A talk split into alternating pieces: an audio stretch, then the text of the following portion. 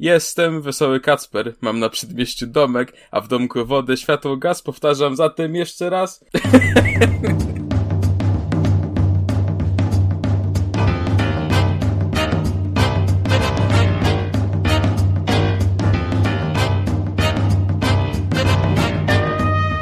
Przy, przyznam, przyznam że, że to jest jeden z takich na, moich największych strachów, że kiedyś wiesz, za, jakiś wypadek będę miał, nie wiem, samochodowy, chuj wie co, i zapadnę sobie w śpiączkę i teraz jestem piękny, mam 25 lat, no jeszcze nie 24, ale prawie 25 i się obudzę za 20 lat yy, i kurwa o 2000 będzie 41, latające samochody, yy, dyktator Kaczafi, prawda, zmechanizowany i jak tu, jak tu się przystosować wtedy? Kurwa straszne. To nie, to ja ostatnio sobie, jeżeli o takie chodzi yy, rzeczy, to sobie tak myślałem, że w sumie jeśli chodzi o śmierć, to chyba najbardziej się boję takiej śmierci, że yy, zginę z powodu czyjejś głupoty. To by chyba mnie najbardziej tak bolało po prostu jakoś, że ktoś popełni gdzieś błąd i, i to ja przez to zginę. To się na przykład ktoś ci, jadąc na autostradzie, ktoś pomyli zjazdy i se na zły, na zły Nie, bardziej, bardziej tak myślałem o takim nie wiem, czymś takim prostszym, że ktoś coś pomyli, że no na przykład, żeby mi dać rzecz A, co jest proste, że musi mi dać rzecz A, to da mi rzecz B, na takiej, na takiej, na takiej, takiej, takiej głupocie, takiej nieuwadze, takim, takim czymś bardzo to jeszcze, jak, jeszcze, jeszcze jak świadomy tego będziesz i, i ta taka osadzająca się świadomość tego, że właśnie umierasz i, i, i jakby nie masz na to wpływu, że to można było tego uniknąć. No to jest straszne, kurwa. I tym optymistycznym akcentem rozpoczynamy ósmy odcinek Trójka Podcast za mikrofonami standardowo Konrad Noga. No cześć. Kuba Smolak. Jeszcze żyję. Dzień dobry. I ja, czyli Kasper Cembrowski i również Was bardzo serdecznie witam. Żeby troszeczkę nam humorki poprawić, bo weszliśmy na tematy bardzo ciężkie, e, chciałem powiedzieć, że do najnowszego Resident Evil części ósmej oczywiście, tak jak ósmy jest ten epizod naszego podcastu, powstał mod, który rozbiera tą dużą e, czarownicę, ulubienicę e, wszystkich fanów.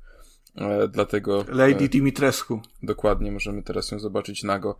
E, oczywiście to jest I co tam, wyłączność... co tam się pokazuje? No, Co nie, bimbały? Nie wiem, ja, ja nie, nie, nie. nie.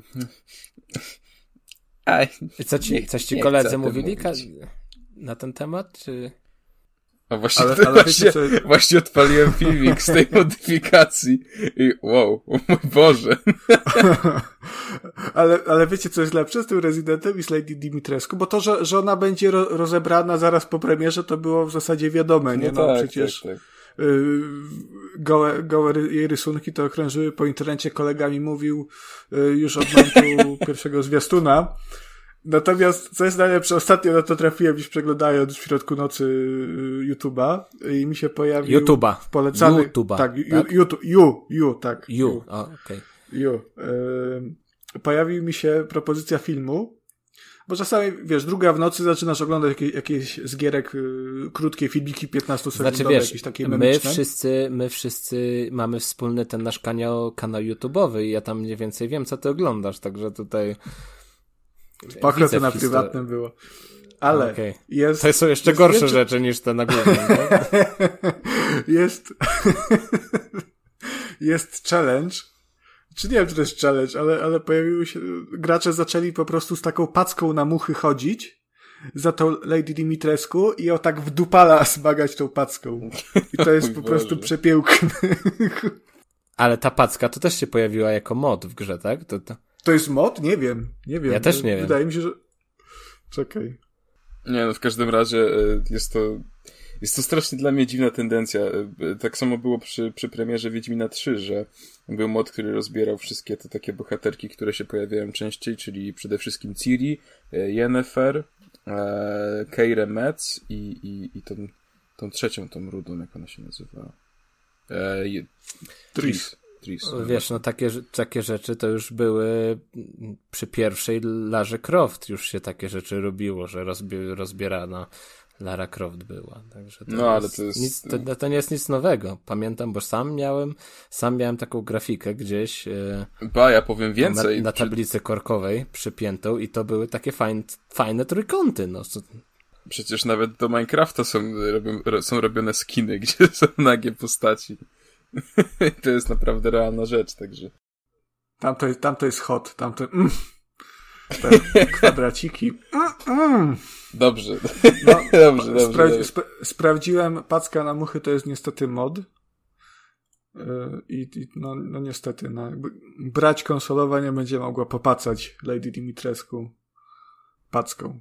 To jednak w, w horrorze packa na muchy nie okazała się jakimś takim podstaw podstawową bronią, podstawowym narzędziem eksploracyjnym, tak? To jednak mod.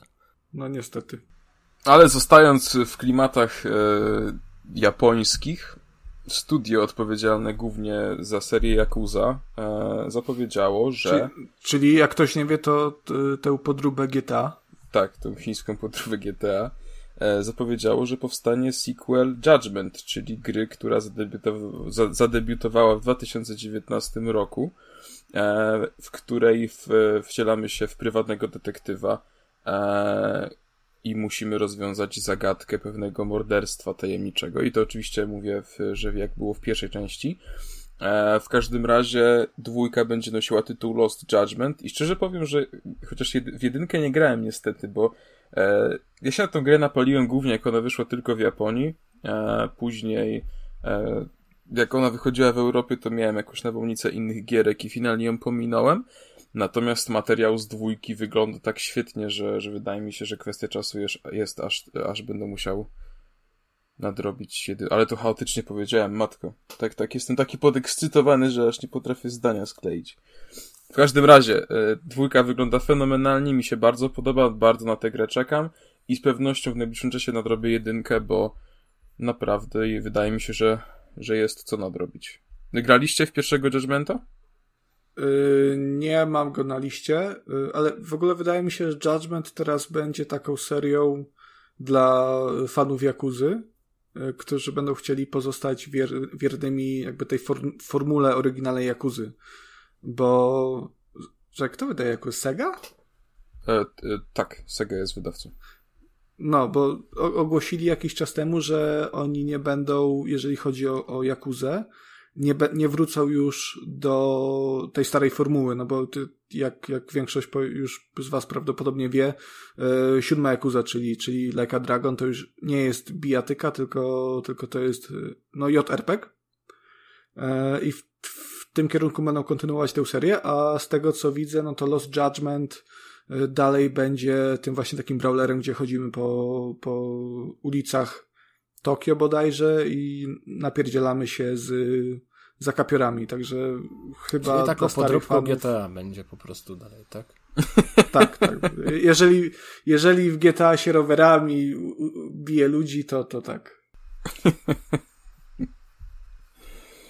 No, także no, mi się w każdym razie materiał bardzo podoba i, i cieszę się, że tą serię pociągnęli dalej. Ja się troszeczkę bałem, bo Judgment był tak mocno średnio przyjęty przed premierą.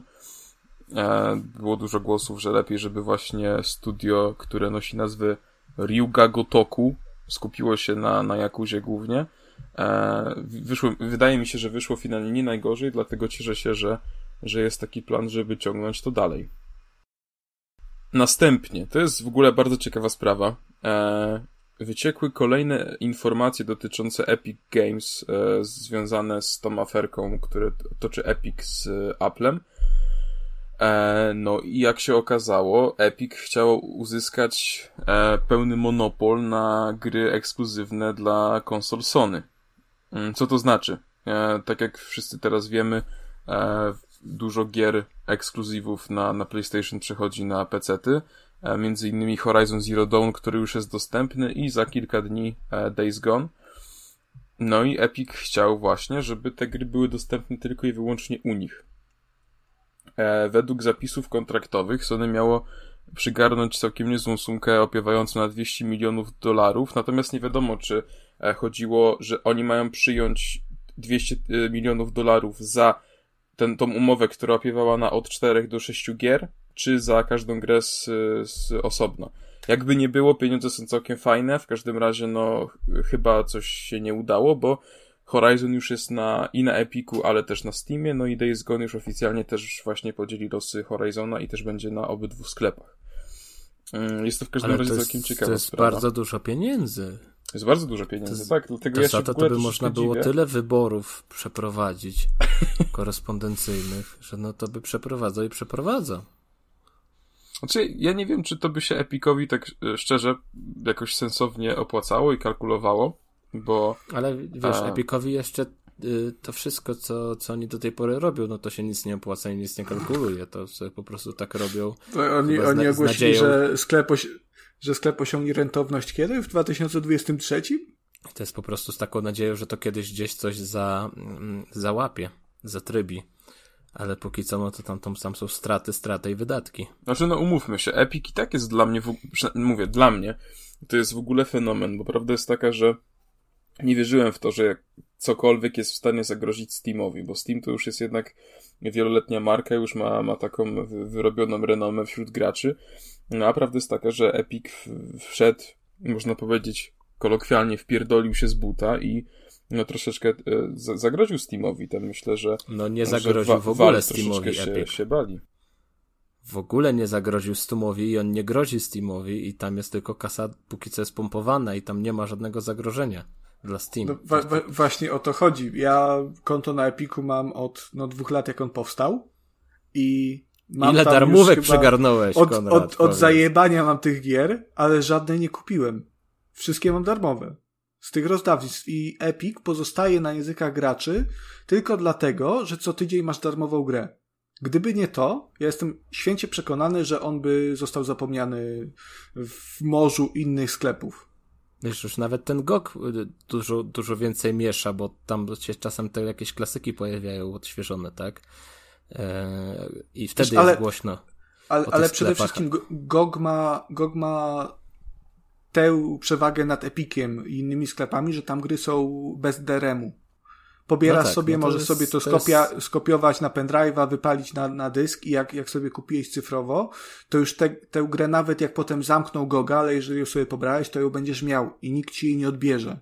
Natomiast Epic to jest taki sam sklep jak Steam, taki sam sklep jak Origin, yy, czy tam yy, Uplay, czy, czy jak to tam się teraz nazywa, bo to się też nazwa zmieniła. Ubisoft Connect teraz to się nazywa. Mm, także to jest taka główna siła Goga, ale jakby Steam w zasadzie ma nadal tak naprawdę, jakby nie patrzeć, no trochę monopol na to wszystko. Jeżeli Nie myślisz no, bo o tak naprawdę Epic, Epic nie zaoferował póki co nic, co, nie, co byłoby, nie byłoby dostępne na Steam, albo byłoby lepsze u nich. No nie ma nic takiego, nie, no tylko te darmowe gry, które się pojawiają czasami i tyle. Otóż e, tu, tutaj muszę powiedzieć, że się mylisz. No, a co jest? E, jest taka gra Sony pod tytułem Ready Set Heroes, która jest tylko na Epiku.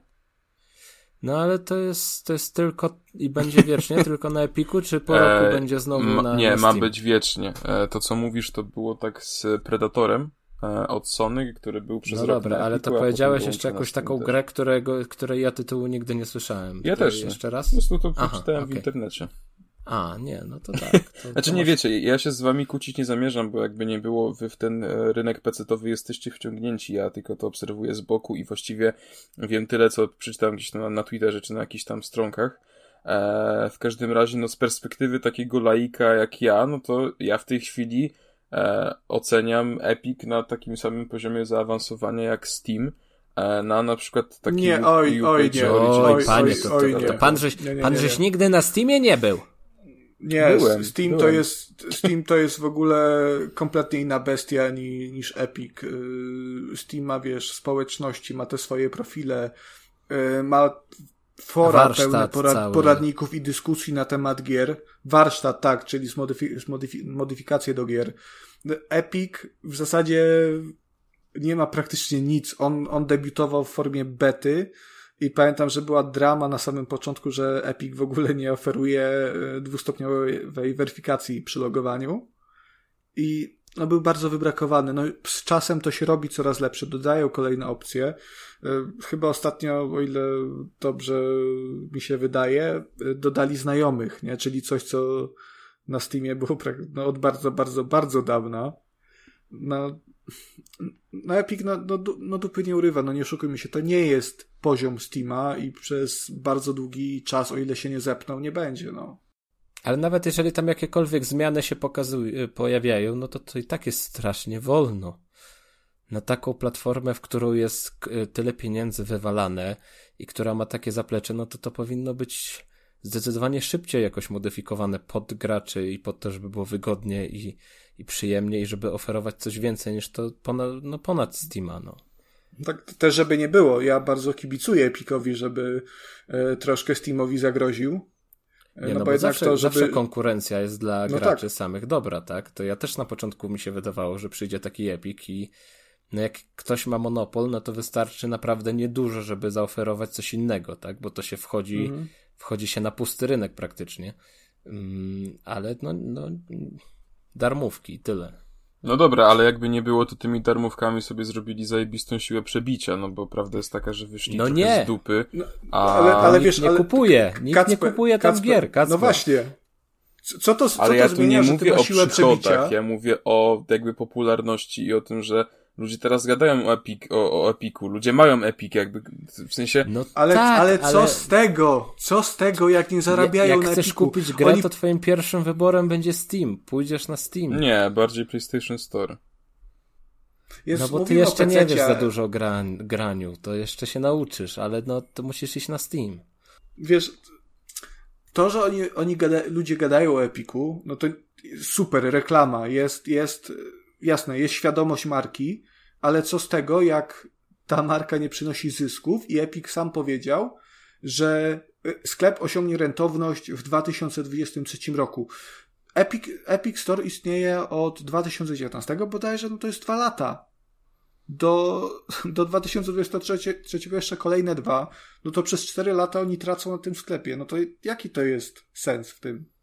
A jeszcze ciebie, Kodras, zapytam, bo u mnie to tak wygląda, że ja też mam problem z płatnościami, jeżeli chodzi o, o Epika, bo on nie wspiera chińskich kart płatniczych, ale miałeś kiedykolwiek tak, że chciałeś kupić grę i ona była faktycznie taniej na Epiku niż na Steamie i, i podkusiłoby cię kupić na Epiku?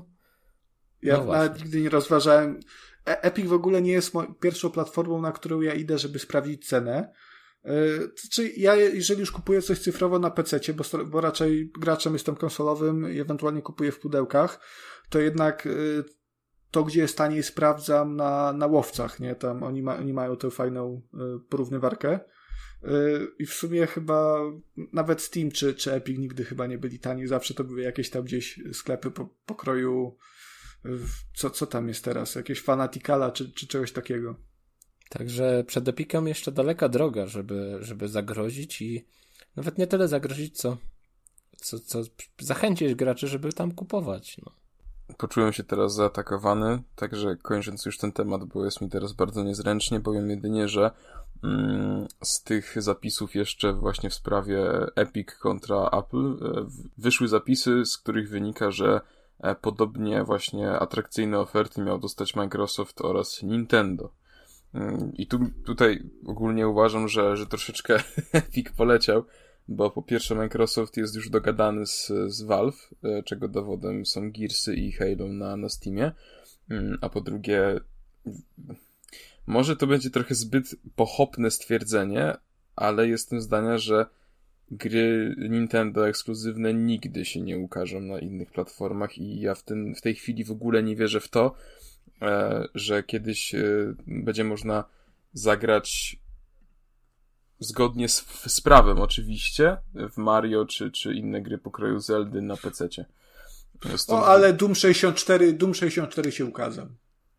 Jest na innych platformach.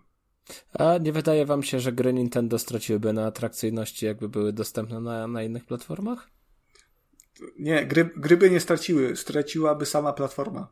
No tak, marka Nintendo by tak- oberwała, tak... bo ja uważam, że tak jak na przykład teraz y, Switch się sprzedaje przecież prześwietnie, ale ja uważam, że właśnie główną robotą tego jest to, że e, no nie ukrywajmy, ale dużo osób Switcha kupuje dla jednej czy, czy dwóch y, gier, tak? Na przykład dla Zeldy czy dla e, Mario, powiedzmy Odyssey. Albo dla Ringfita też. E, dlatego wydaje mi się, że w momencie, kiedy te wszystkie rzeczy by zaczęły wychodzić na PC, no to tak naprawdę gracze nie mieliby zbyt wielu argumentów, żeby e, kupować Switcha. Stąd jestem zdania, że Nintendo się na to nigdy nie zgodzi.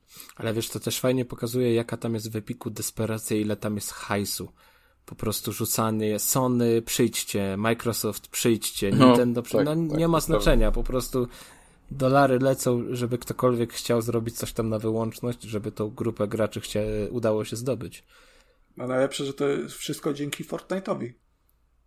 Bo on dla nich to wszystko zarabia. Że, że mogą sobie pozwolić na to, że, żeby tą kasą tak rzucać. Ja w tym momencie, e, jeśli ktoś z Epiku nas słucha, e, to chciałem powiedzieć, że podcasty to jest teraz na pewno świetny, słuchają, świetny na rozwijający się rynek.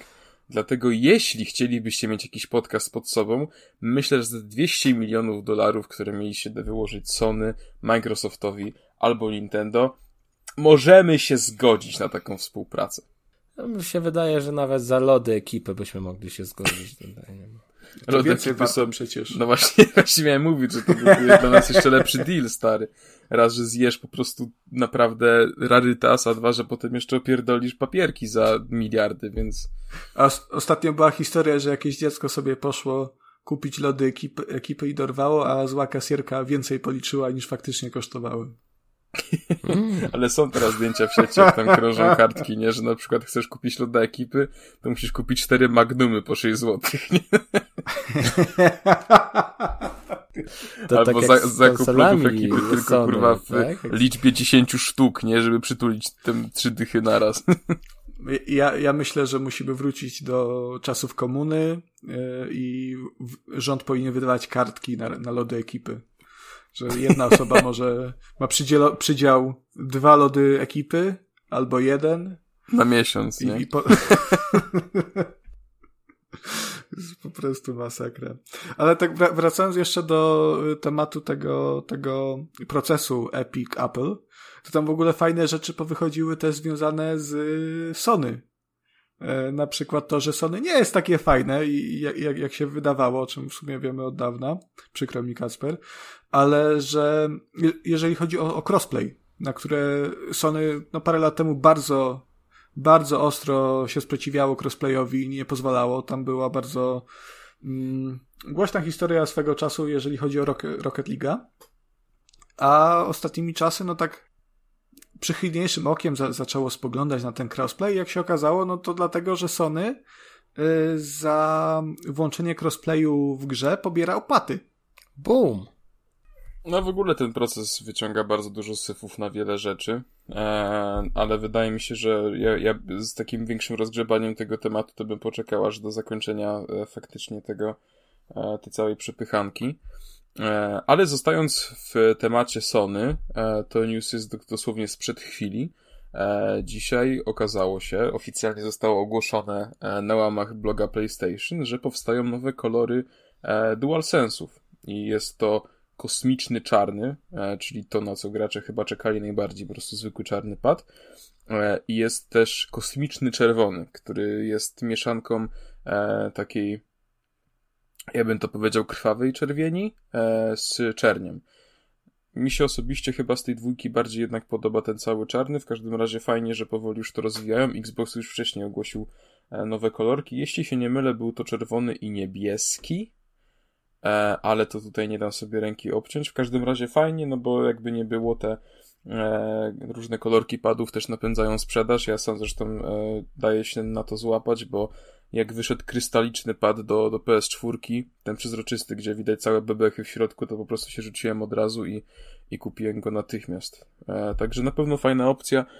E, jeśli posiadacie PS5, to możecie się zainteresować. A skoro mówimy już o PS5, e, no to warto powiedzieć, że. Dalej nie ma. Jest problem ogólnie i to nawet jest e, problem w ogóle na większą skalę. E, Sony się wypowiedział, znaczy nie, chyba nieoficjalnie. W każdym razie, no w tym roku dostępność PS5 się nie poprawi. I w przyszłym roku również nie będzie wcale lepiej. Stąd pojawiły się plotki, że właśnie w 2022 roku e, Sony wyjdzie zrobić... PS6, już klepią tam PS6, to, to nie ma co nie ma co przeciągać. To jest. E, chcą zrobić inny rodzaj PS5, e, który będzie składał się z tych e, jakby e, kawałków elektroniki, które są dostępne bez problemu.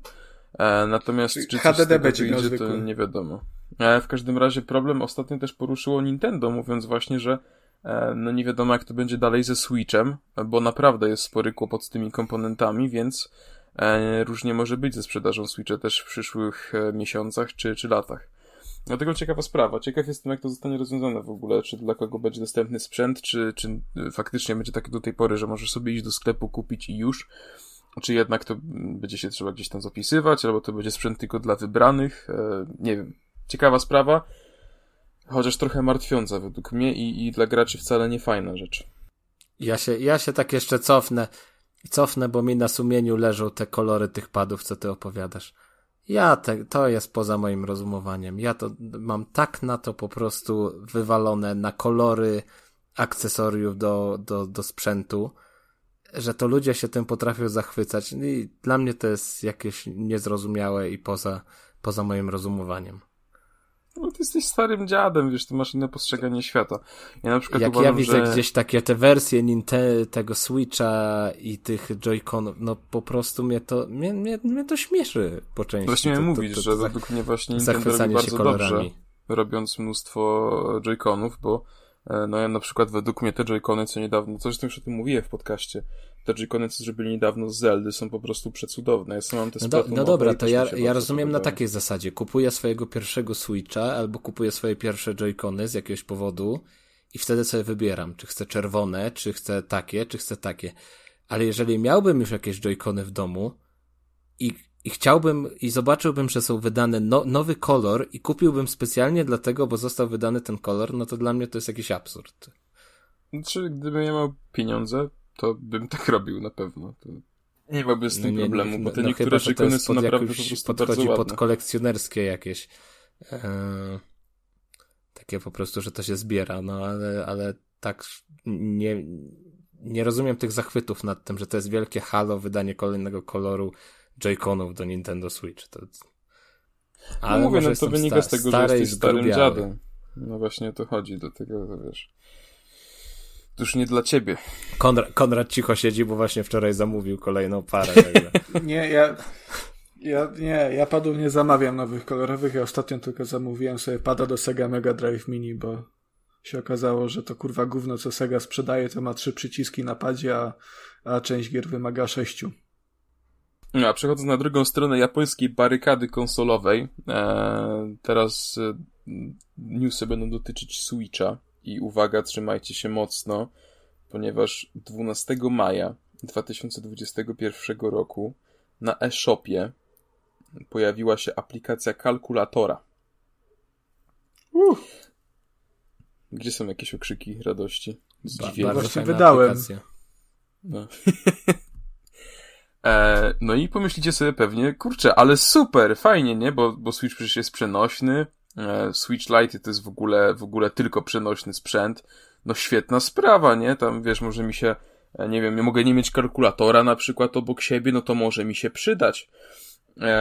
Natomiast no, studio, które jest odpowiedzialne za, za, za tę aplikację, czyli studio Sabek, wyceniło kalkulator na 36 zł. I wydaje wam się, że to jest dużo. Pewnie powiecie, co? 40 zł za kalkulator? Czy oni oszaleli? Ale poczekajcie, na spokojnie. Kalkulator ma naprawdę mnóstwo świetnych opcji. Kalkulator ten może dodawać, może odejmować, może mnożyć, może dzielić. Do tego ma takie, takie świetne funkcje jak logarytmy, jak funkcje trygonometryczne, jak podnoszenie e, liczb do, do, do kwadratu, nawet do wyższych potęg, także to jest w ogóle coś. I pomyślicie, ale przecież ja mam to w każdym smartfonie, czy komputerze, czy nawet, nawet smartwatchu. E, no nie macie tego samego, ponieważ kalkulator na Switchu ma limit 10 milionów i w momencie, kiedy liczba, którą chcecie obliczyć przekracza 10 milionów, to wam wyskakuje error, więc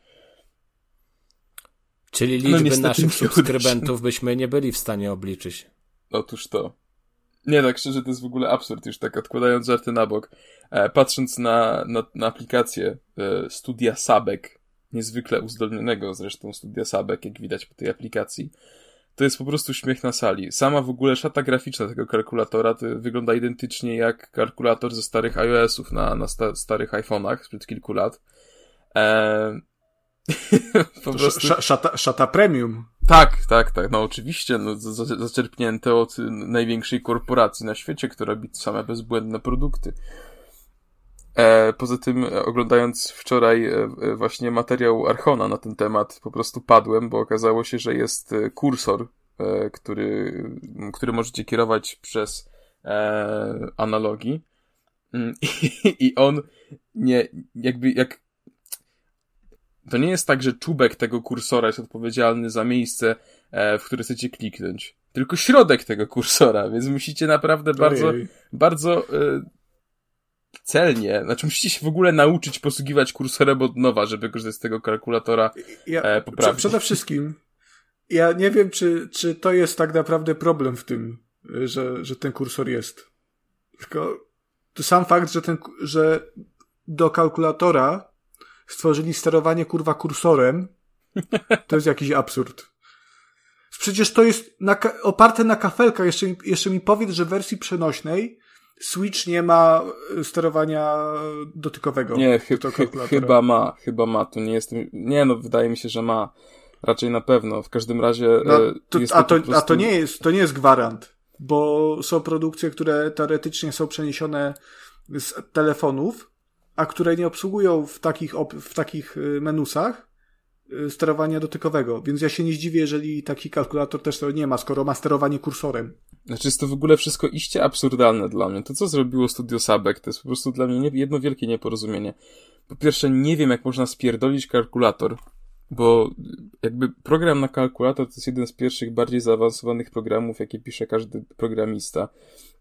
Nawet mi się zdarzyło napisać kalkulator w C++ to naprawdę nie jest jakoś turbo skomplikowane, więc nie wiem, e, jak mogli zrobić tak, że jest limit na, na 10 milionach wzwyż. To jest w ogóle absurdalne tak naprawdę. E... DLC będą.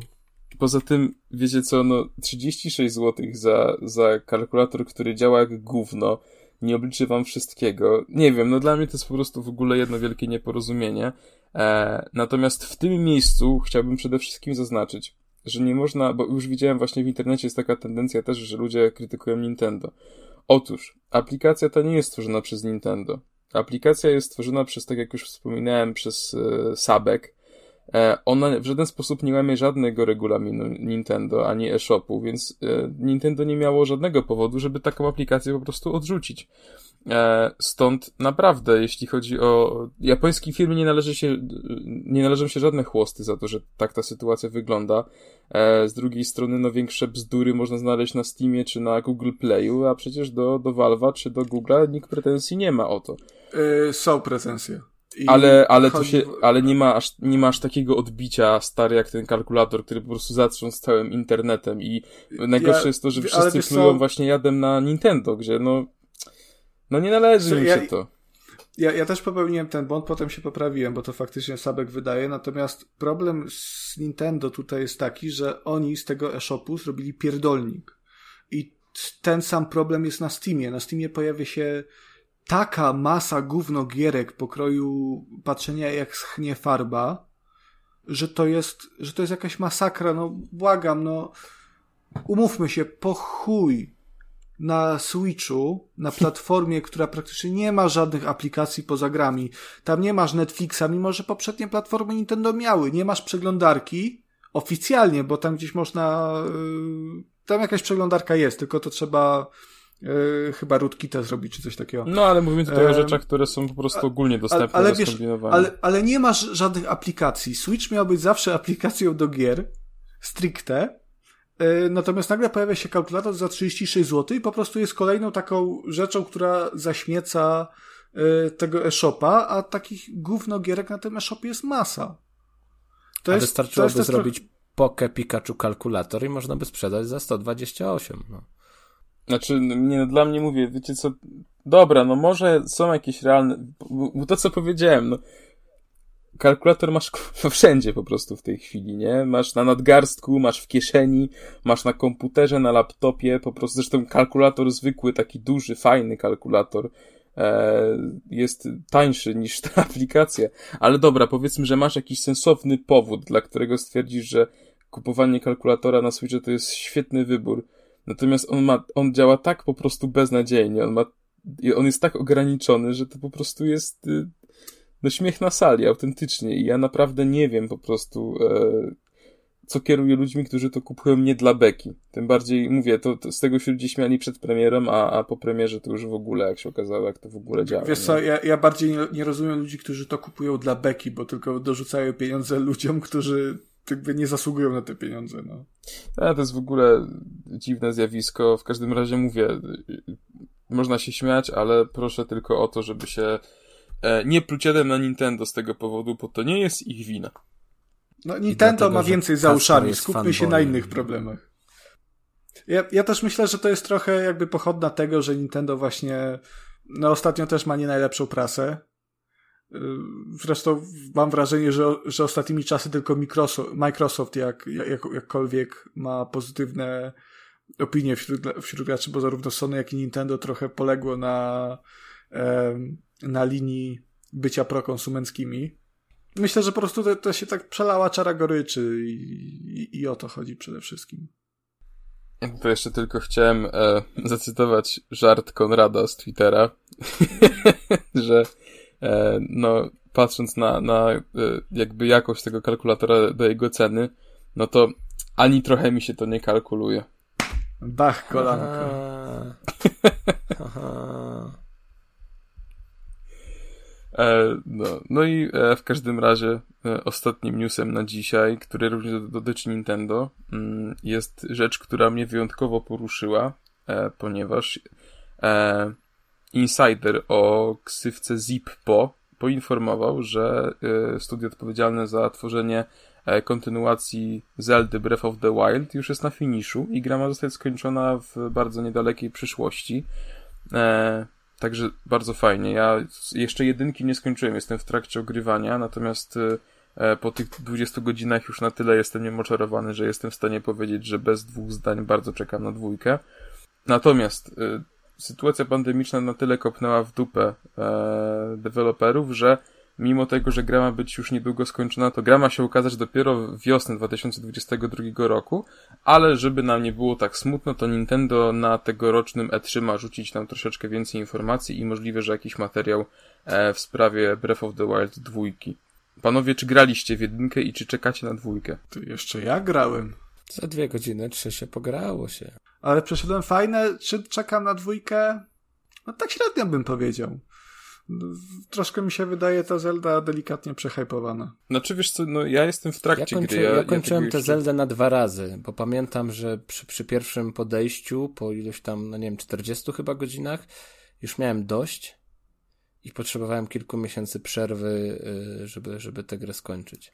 Ale nawet przy tym drugim podejściu już nie miałem tego takiego uczucia, że teraz chcę odkryć wszystko i zajrzeć wszędzie, tylko bardziej po prostu e, dobrnąć do Ja miałem z Zeldą ten problem, że ona mnie trochę przytłoczyła na początku, bo y, Zelda zaczyna się w zasadzie tak, że no, pa, przychodzi pan, zaprasza cię do ogniska i ci mówi, że no, masz tu zabić cztery bestie, a potem Ganona, idź. Masz tu kij. I to jest wszystko. Tu masz tak. kij, idź I... tam sobie jabłko tam i już.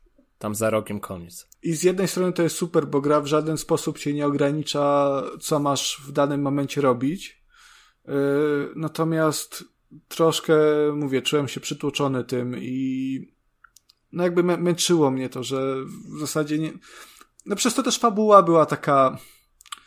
Mimo, że teoretycznie ona mogła być ciekawa, to ona była bardzo rozmyta i cała gra sprawdzała się odchodzenia od punktu A do B. Ale wiesz, to może trochę wynika z tego, że teraz nie jesteśmy jakoś tak bardzo podekscytowani tym, ale jak pokażą jakieś nowe materiały i kolejne pomysły, jakie tam będą zaimplementowane, to wtedy może trochę ten hype podskoczyć jednak. Znaczy, no ja mówiąc z perspektywy y, osoby, która dopiero jest w trakcie ogrywania i jeszcze tej gry nie skończyła, no to na pewno mnie strasznie ta gra przytłacza. Cały czas, pomimo już 20 godzin ponad e, i dojścia gdzieś to około do połowy fabuły, e, czuję się po prostu strasznie taki przytłoczony tym ciężarem tej gry, te, tym, tym ogromem tych wszystkich rzeczy.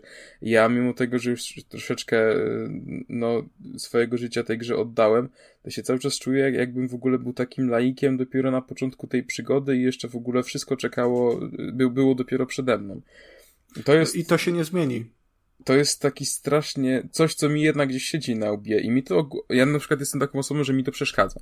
Ja po pewnym czasie lubię się czuć z grą taki po prostu zaznajomiony, że mniej więcej czuję, że wiem o co chodzi, odnajduję się w tym świecie, wiem co mnie może spotkać, natomiast w przypadku Zeldy w ogóle tego nie czuję. E, cał, mówię, ja cały czas po prostu jestem jak takie dziecko we mgle, gdzieś tam sobie idę, coś tam się staram odkryć, staram się pchać te fabuły do przodu, znajdywać te tam fontanny wróżkowe, inne duperele, żeby być coraz lepszym, ale to wszystko jest takie, wiecie, takie napałe, nie? Gdzie mnie wiatr poniesie, ja tam się znajdę. I, to, to mi trochę przeszkadza. Natomiast w żaden sposób nie chcę przez to ujmować tej grze, bo jakby nie było, na ten moment jest to według mnie gra naprawdę fenomenalna. E, no i, i szczerze mówiąc, no czekam aż, aż do niej wrócę, bo teraz akurat miałem taki cięższy czas, że nie miałem po prostu zbytnio e, wolnej chwili, żeby odpalić jakąkolwiek konsolę, ale już powoli wszystko wraca do normy, dlatego mówię, ma, nie mogę się trochę też doczekać, aż do tego wrócę i, i uda mi się tę Zeldę skończyć. W każdym razie e, z trailera, który widzieliśmy w 2019 roku na E3, E, można wywnioskować, że Zelda ma być e, dwójka, Breath of the Wild ma być dużo bardziej mroczniejsza od jedynki, ma być e, grą jeszcze cięższą z, przez fabułę i e, przez e, ogólnie zamysł całej historii. Dlatego jestem całkiem ciekaw, jak to im wyjdzie. E, no to i ma taka być... trochę sytuacja jak z Okaryną i Majorą. Tak, tak, tak, tak, dokładnie tak. I gdzieś ostatnio przeczytałem, że ponoć Zelda jest teraz mówię Zelda, dwójka Breath of the Wild ma być e, jeszcze bardziej taka realistyczna e, i ma zaczerpnąć trochę rozwiązań z e, Red Dead Redemption dwójki. Co prawda nie do końca rozumiem, jak, jak to miało działać. O! No, mówię, to ja tylko powtarzam to, co przeczytałem. Nie wiem, e, o co dokładnie chodziło. E, I mówię trochę sobie nie do końca. No na pewno mogliby trochę zaczerpnąć, jeśli chodzi o jazdę konną, ponieważ ta w w Zeldzie była paskudna. I, i mi się Weź, ale nie przypominaj, to jest jak, jakiś koszmar. No, jest, jest zajebiście źle zrobiona, więc to, to mogą zaczerpnąć, ale poza tym ja nie widzę ani jednego wspólnego elementu między tymi grami, nie? No, ale poczekamy, zobaczymy. E, ja się cieszę i ja, ja czekam w każdym razie na rozwój sytuacji. Ja jestem ciekaw, jak to wszystko wyjdzie, no i na pewno te wszystkie materiały będę śledził e, w międzyczasie, zagrywając się w jedynkę. Ale wiesz, to jest troszkę strasznie niepoważne ze strony, ze strony Nintendo, że gra już jest prawie gotowa, a oni się wstrzymają z wydaniem jej przez następny rok.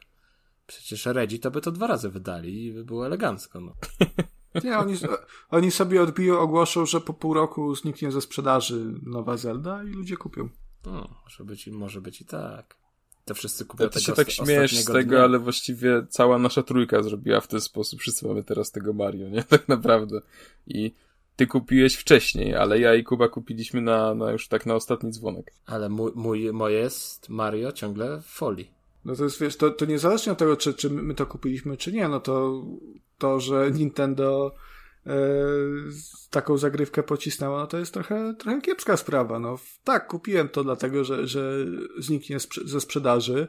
Mario 64 chciałem ograć, a w zasadzie samo Mario 64 to jakieś no, ponad stówkę na pewno kosztuje, plus trzeba kupić konsolę, e, a nigdzie indziej tej gry nie dostaniesz, więc to pewnie, że kupiłem, ale to, że ta gra znika ze sprzedaży, nawet z cyfrowej, e, mimo że z pewnością by się sprzedawała, bo to jest jednak kompilacja Mario, plus, że to zostało wydane w takiej formie no, troszkę po łebkach, no to to jest, no, Kasper, umówmy się, no do dupy to jest. No, ale ja nie to mówię, że nie, no, ja trochę nie rozumiem tej decyzji, no ale Nintendo to ja, ja mam wrażenie, że nawet samo Nintendo nie rozumie czasami. A może tam jest jakiś głębszy plan po prostu. No w każdym razie, no to jeśli chodzi o newsy, to to by było na tyle.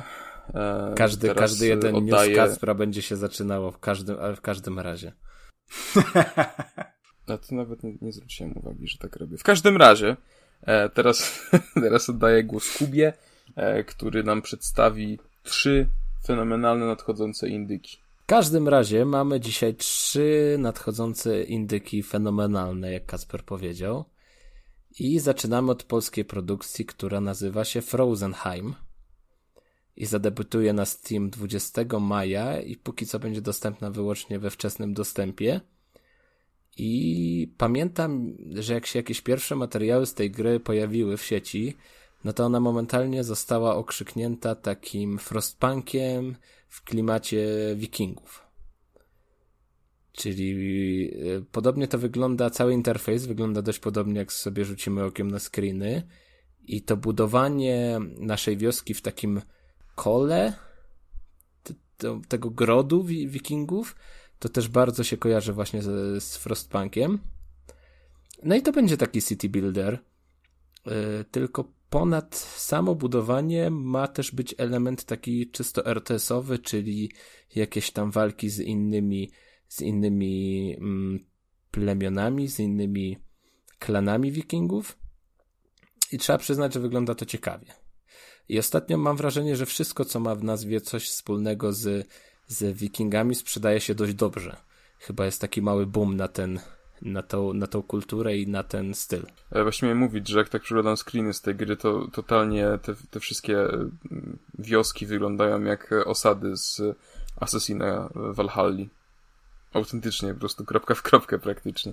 Ja, ja też mówiłem Kubie wcześniej, Kasper, ciebie jeszcze, jeszcze nie było, bo do nas nie, do, nie dołączyłeś, ale jak patrzę na grafiki promocyjne tej gry, e, nie screeny, tylko grafiki, to mam e, wrażenie, że graficy e, z Paranoid Interactive bardzo mocno zainspirowali się Valheimem, e, bo ta grafika jest bardzo podobna do tej właśnie Valheimowskiej. No to nawet w tytule już można zauważyć.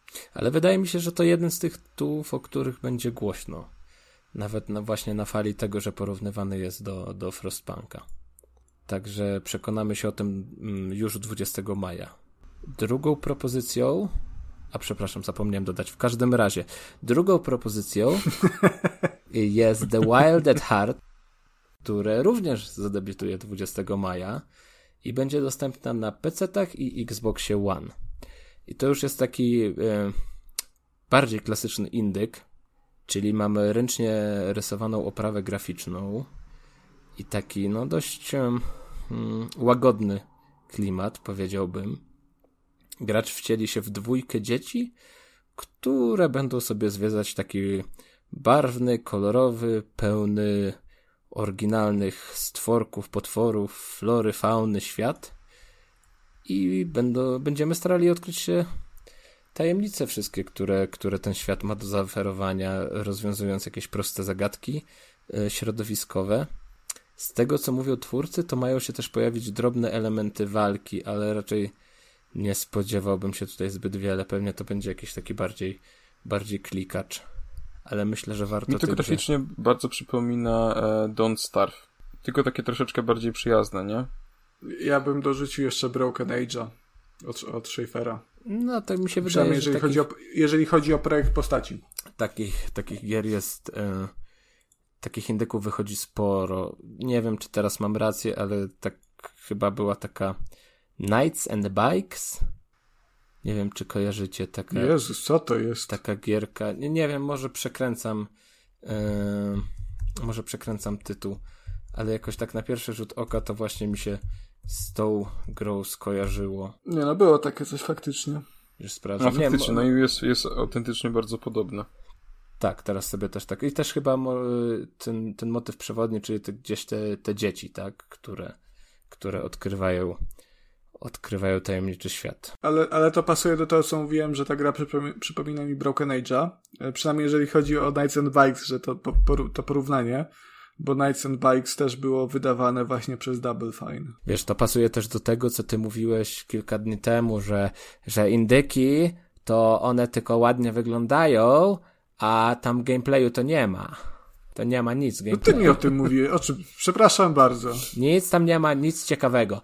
Ja tylko w te Far Cry'e to piu piu piu posterunek bym se zdobył jakiś e, wieżyczkę bym se za, to, zajął. Bym se, to, to tak, jest, to to ja mówiłem. To jest, to jest, to jest fajne. To jest gra, to, to jest lepsze. To jest fajny Grafika realistyczna, fabuła fajna. Piesek jest. A tu sobie chodzisz po kolorowym świecie, jakiś. relaksujesz się, tu sobie zbierzesz kryształek, tu sobie zbierzesz jakiś kabelek, sobie to połączysz, później jakiegoś potworka zabijesz. No i fajnie się zrelaksować można.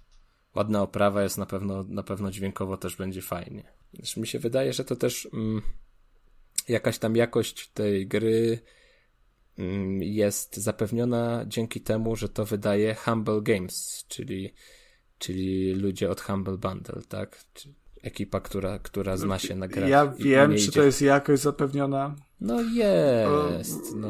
Wiesz co, Humble Bundle dodaje y, do tych swoich y, tych bundli premium, tych, tych Humble Choice'ów y, zawsze dodaje jakąś grę ze swojego wydawnictwa i czasami takie paździerze po prostu tam lądowały, jak czy jak to się nazywało? Chyba Balcony Simulator 2020 i to by, cała gra polegała na tym, że byłeś se chłopkiem i sobie wychodziłeś z pokoju hotelowego na balkon i zeskakiwałeś do basenu. O. No tak, tak średnio jakościowo mm. bym powiedział, że to, no że nie, to zachwycało. W, wydawało mi się, że, że to jednak y, duża ekipa, która, która mniej więcej wie, co jest dobrze, dobre, co jest kiepskie i co należy poprawić w grze, zanim się ją wyda. Ty, a ja wiem, wiem co mi przypomina to Wild at Heart. Mm. To są takie pikminy. Hmm. Bo tak przeglądam te zdjęcia i, i te dzieci chodzą z takimi jakby cebulowymi stworkami w różnych kolorach i nimi rzucają w przeciwników. To jest gameplay z pikminów. No to już musisz, wiesz, żeby to potwierdzić, to już musisz kup kupić yy, 20 maja i, i sprawdzić to w praktyce. A może kupię. A wiesz, jeszcze mi przypomniałeś a propos tego balkonu i tej gierki właśnie, że że miałem kiedyś na liście życzeń takiego indyka. Mm, nie pamiętam tytułu oczywiście, bo gdzieś ja bym coś cokolwiek pamiętał. Że była taka jakby no sprawa kryminalna się gdzieś tam toczyła, jakieś morderstwo czy coś, a my jako bohater byliśmy um, gościem na wózku inwalidzkim, który całą sytuację widział z balkonu swojego, jakby był uziemiony w domu i obserwował to jakoś przez balkon i kurczę, nie pamiętam o co tam chodziło, ale pamiętam, że zamysł tej gry był bardzo taki ciekawy i będę gdzieś to musiał googlnąć. Nie wiem, czy wam to coś mówi, czy może się natknęliście na tę grę. Wiesz co, mi, mi się to bardziej kojarzy z filmem, yy, bo też był, yy, a to już stary film. Tylko nie, nie pamiętam nie, teraz na, tytułu. Na, na pewno była y, gra. Na, na podobnej zasadzie. Ale brzmi intrygująco. Wiesz, może, może gra na podstawie filmu powstała, czy coś takiego, ale... Nie, nie, nie, wy, nie wydaje mi się, bo to, bo to był jednak taki, wyda, chyba film bliżej yy, Obywatela Keina, czy, czy też yy, Jezus, no klasyka i zapomniałem, ten Hitchcocka film z tą sceną pod prysznicem. Jak to się nazywało? Na, na YouTubie, tak? Yy, nie na YouTubie. w Hollywoodzie. No nie wiem, zaraz, czekaj, wpiszę w, w Google scena pod prysznicem. Psychoza, Boże! Jezus, no właśnie, z klimatem tamten film mi się bardziej kojarzy z psychozą. Nie, o, nie wiem, czy to nie było okno na podwórze, to też Hitchcocka. To jest chyba to. Mhm. A wiesz, że wyskoczyło scena pod prysznicem i wyskakuje psychoza jako pierwsze, pierwszy wynik wyszukiwania? To z tym się najbardziej psychoza kojarzy, no nie oszukujmy się. 1000, 1960. No, to okno, okno na podwórze to był film z 1954 roku i Uwieziony na wózku inwalidzkim fotograf obserwuje przez okno sąsiadów, jednego z nich podejrzewa o zabójstwo. No to, no to właśnie z tym mi się kojarzył, z tym filmem mi się ta gra kojarzyła. No, co, to może co tam była po prostu teraz. jakaś inspiracja, ale wiem, że muszę tą grę odnaleźć i gdzieś do niej, do niej zajrzeć, jak będzie, jak będzie, no jakieś promocji oczywiście. A znając życie, to, jak to? to pewnie jest Za pełną cenę kupuj. Dostępna w Game Passie już, tak, gdzieś tam w czeluściach Game Passa. Dobra, i jeszcze w każdym razie, w każdym razie jest jeszcze trzecia propozycja, a mowa o King of Seas, który 25 maja pojawi się na PC-tach, PlayStation 4, Xboxie One i Switchu. I to ma być takie RPG akcji w otwartym świecie, z tym, że zamiast mm, bohatera jako mm, takiego no po prostu z krwi i kości człowieka, tudzież jakiejś kreatury, będziemy sterowali całym statkiem i będziemy sobie prze, prze, przemierzać morza, wypełniać misje, zbierać ekwipunek, odblokowywać nowe umiejętności i tak dalej, i tak dalej. I to ma być taki, taki, no taki RPG. RPG-iem to tego bym nie nazwał, ale nie wiem do czego by to porównać. No. Coś jak może Piraci Sida Meira? Wiesz, że nie grałem, nie chcę tu nie chcę tu porównywać, bo nie grałem. Mam gdzieś tą grę w swojej, na swojej kupce wstydu, a no właśnie ja też, ale tak jak patrzę na, na rozgrywkę, no to pływasz tym stateczkiem. Ale nawet dzisiaj y, oglądałem jakiś materiał z tej gry i, i tam padło porównanie do tych piratów. To, to właśnie może, bo to nawet tak wygląda. Y, jest, jest tu walka, są jakie, jakieś w ogóle widzę na zdjęciach krakeny. No jak wiesz, jak coś się dzieje na morzu i są piraci, no to muszą być krakeny. No to to nie... krakeny i rum. E, bardzo ładnie y, wygląda ta gra. Ona ma taką Mm, kreskówkową grafikę, y, troszkę pixarową i troszkę mi przypomina, nie wiem dlaczego, ale przypomina mi też taki stary tytuł, on się nazywał Giant Citizen Kabuto. I na niektórych ujęciach strasznie właśnie ta grafika przypomina taki styl graficzny ze wczesnych lat 2000. W tym, w tym dobrym sensie oczywiście. Wiesz, ja sobie wrzuciłem tego Gianta w screeny, no i ty chyba chcesz pamiętać tę grę tak, jak ją zapamiętałeś. chyba tak. Ojej. Oj, ojej. Bo coś tutaj odleciałeś ostro. no troszkę, troszkę. Oj, to... Te, te, te potwory jak, ale jak, jak to wyglądają oczy? jak upośledzona Godzilla. To, to...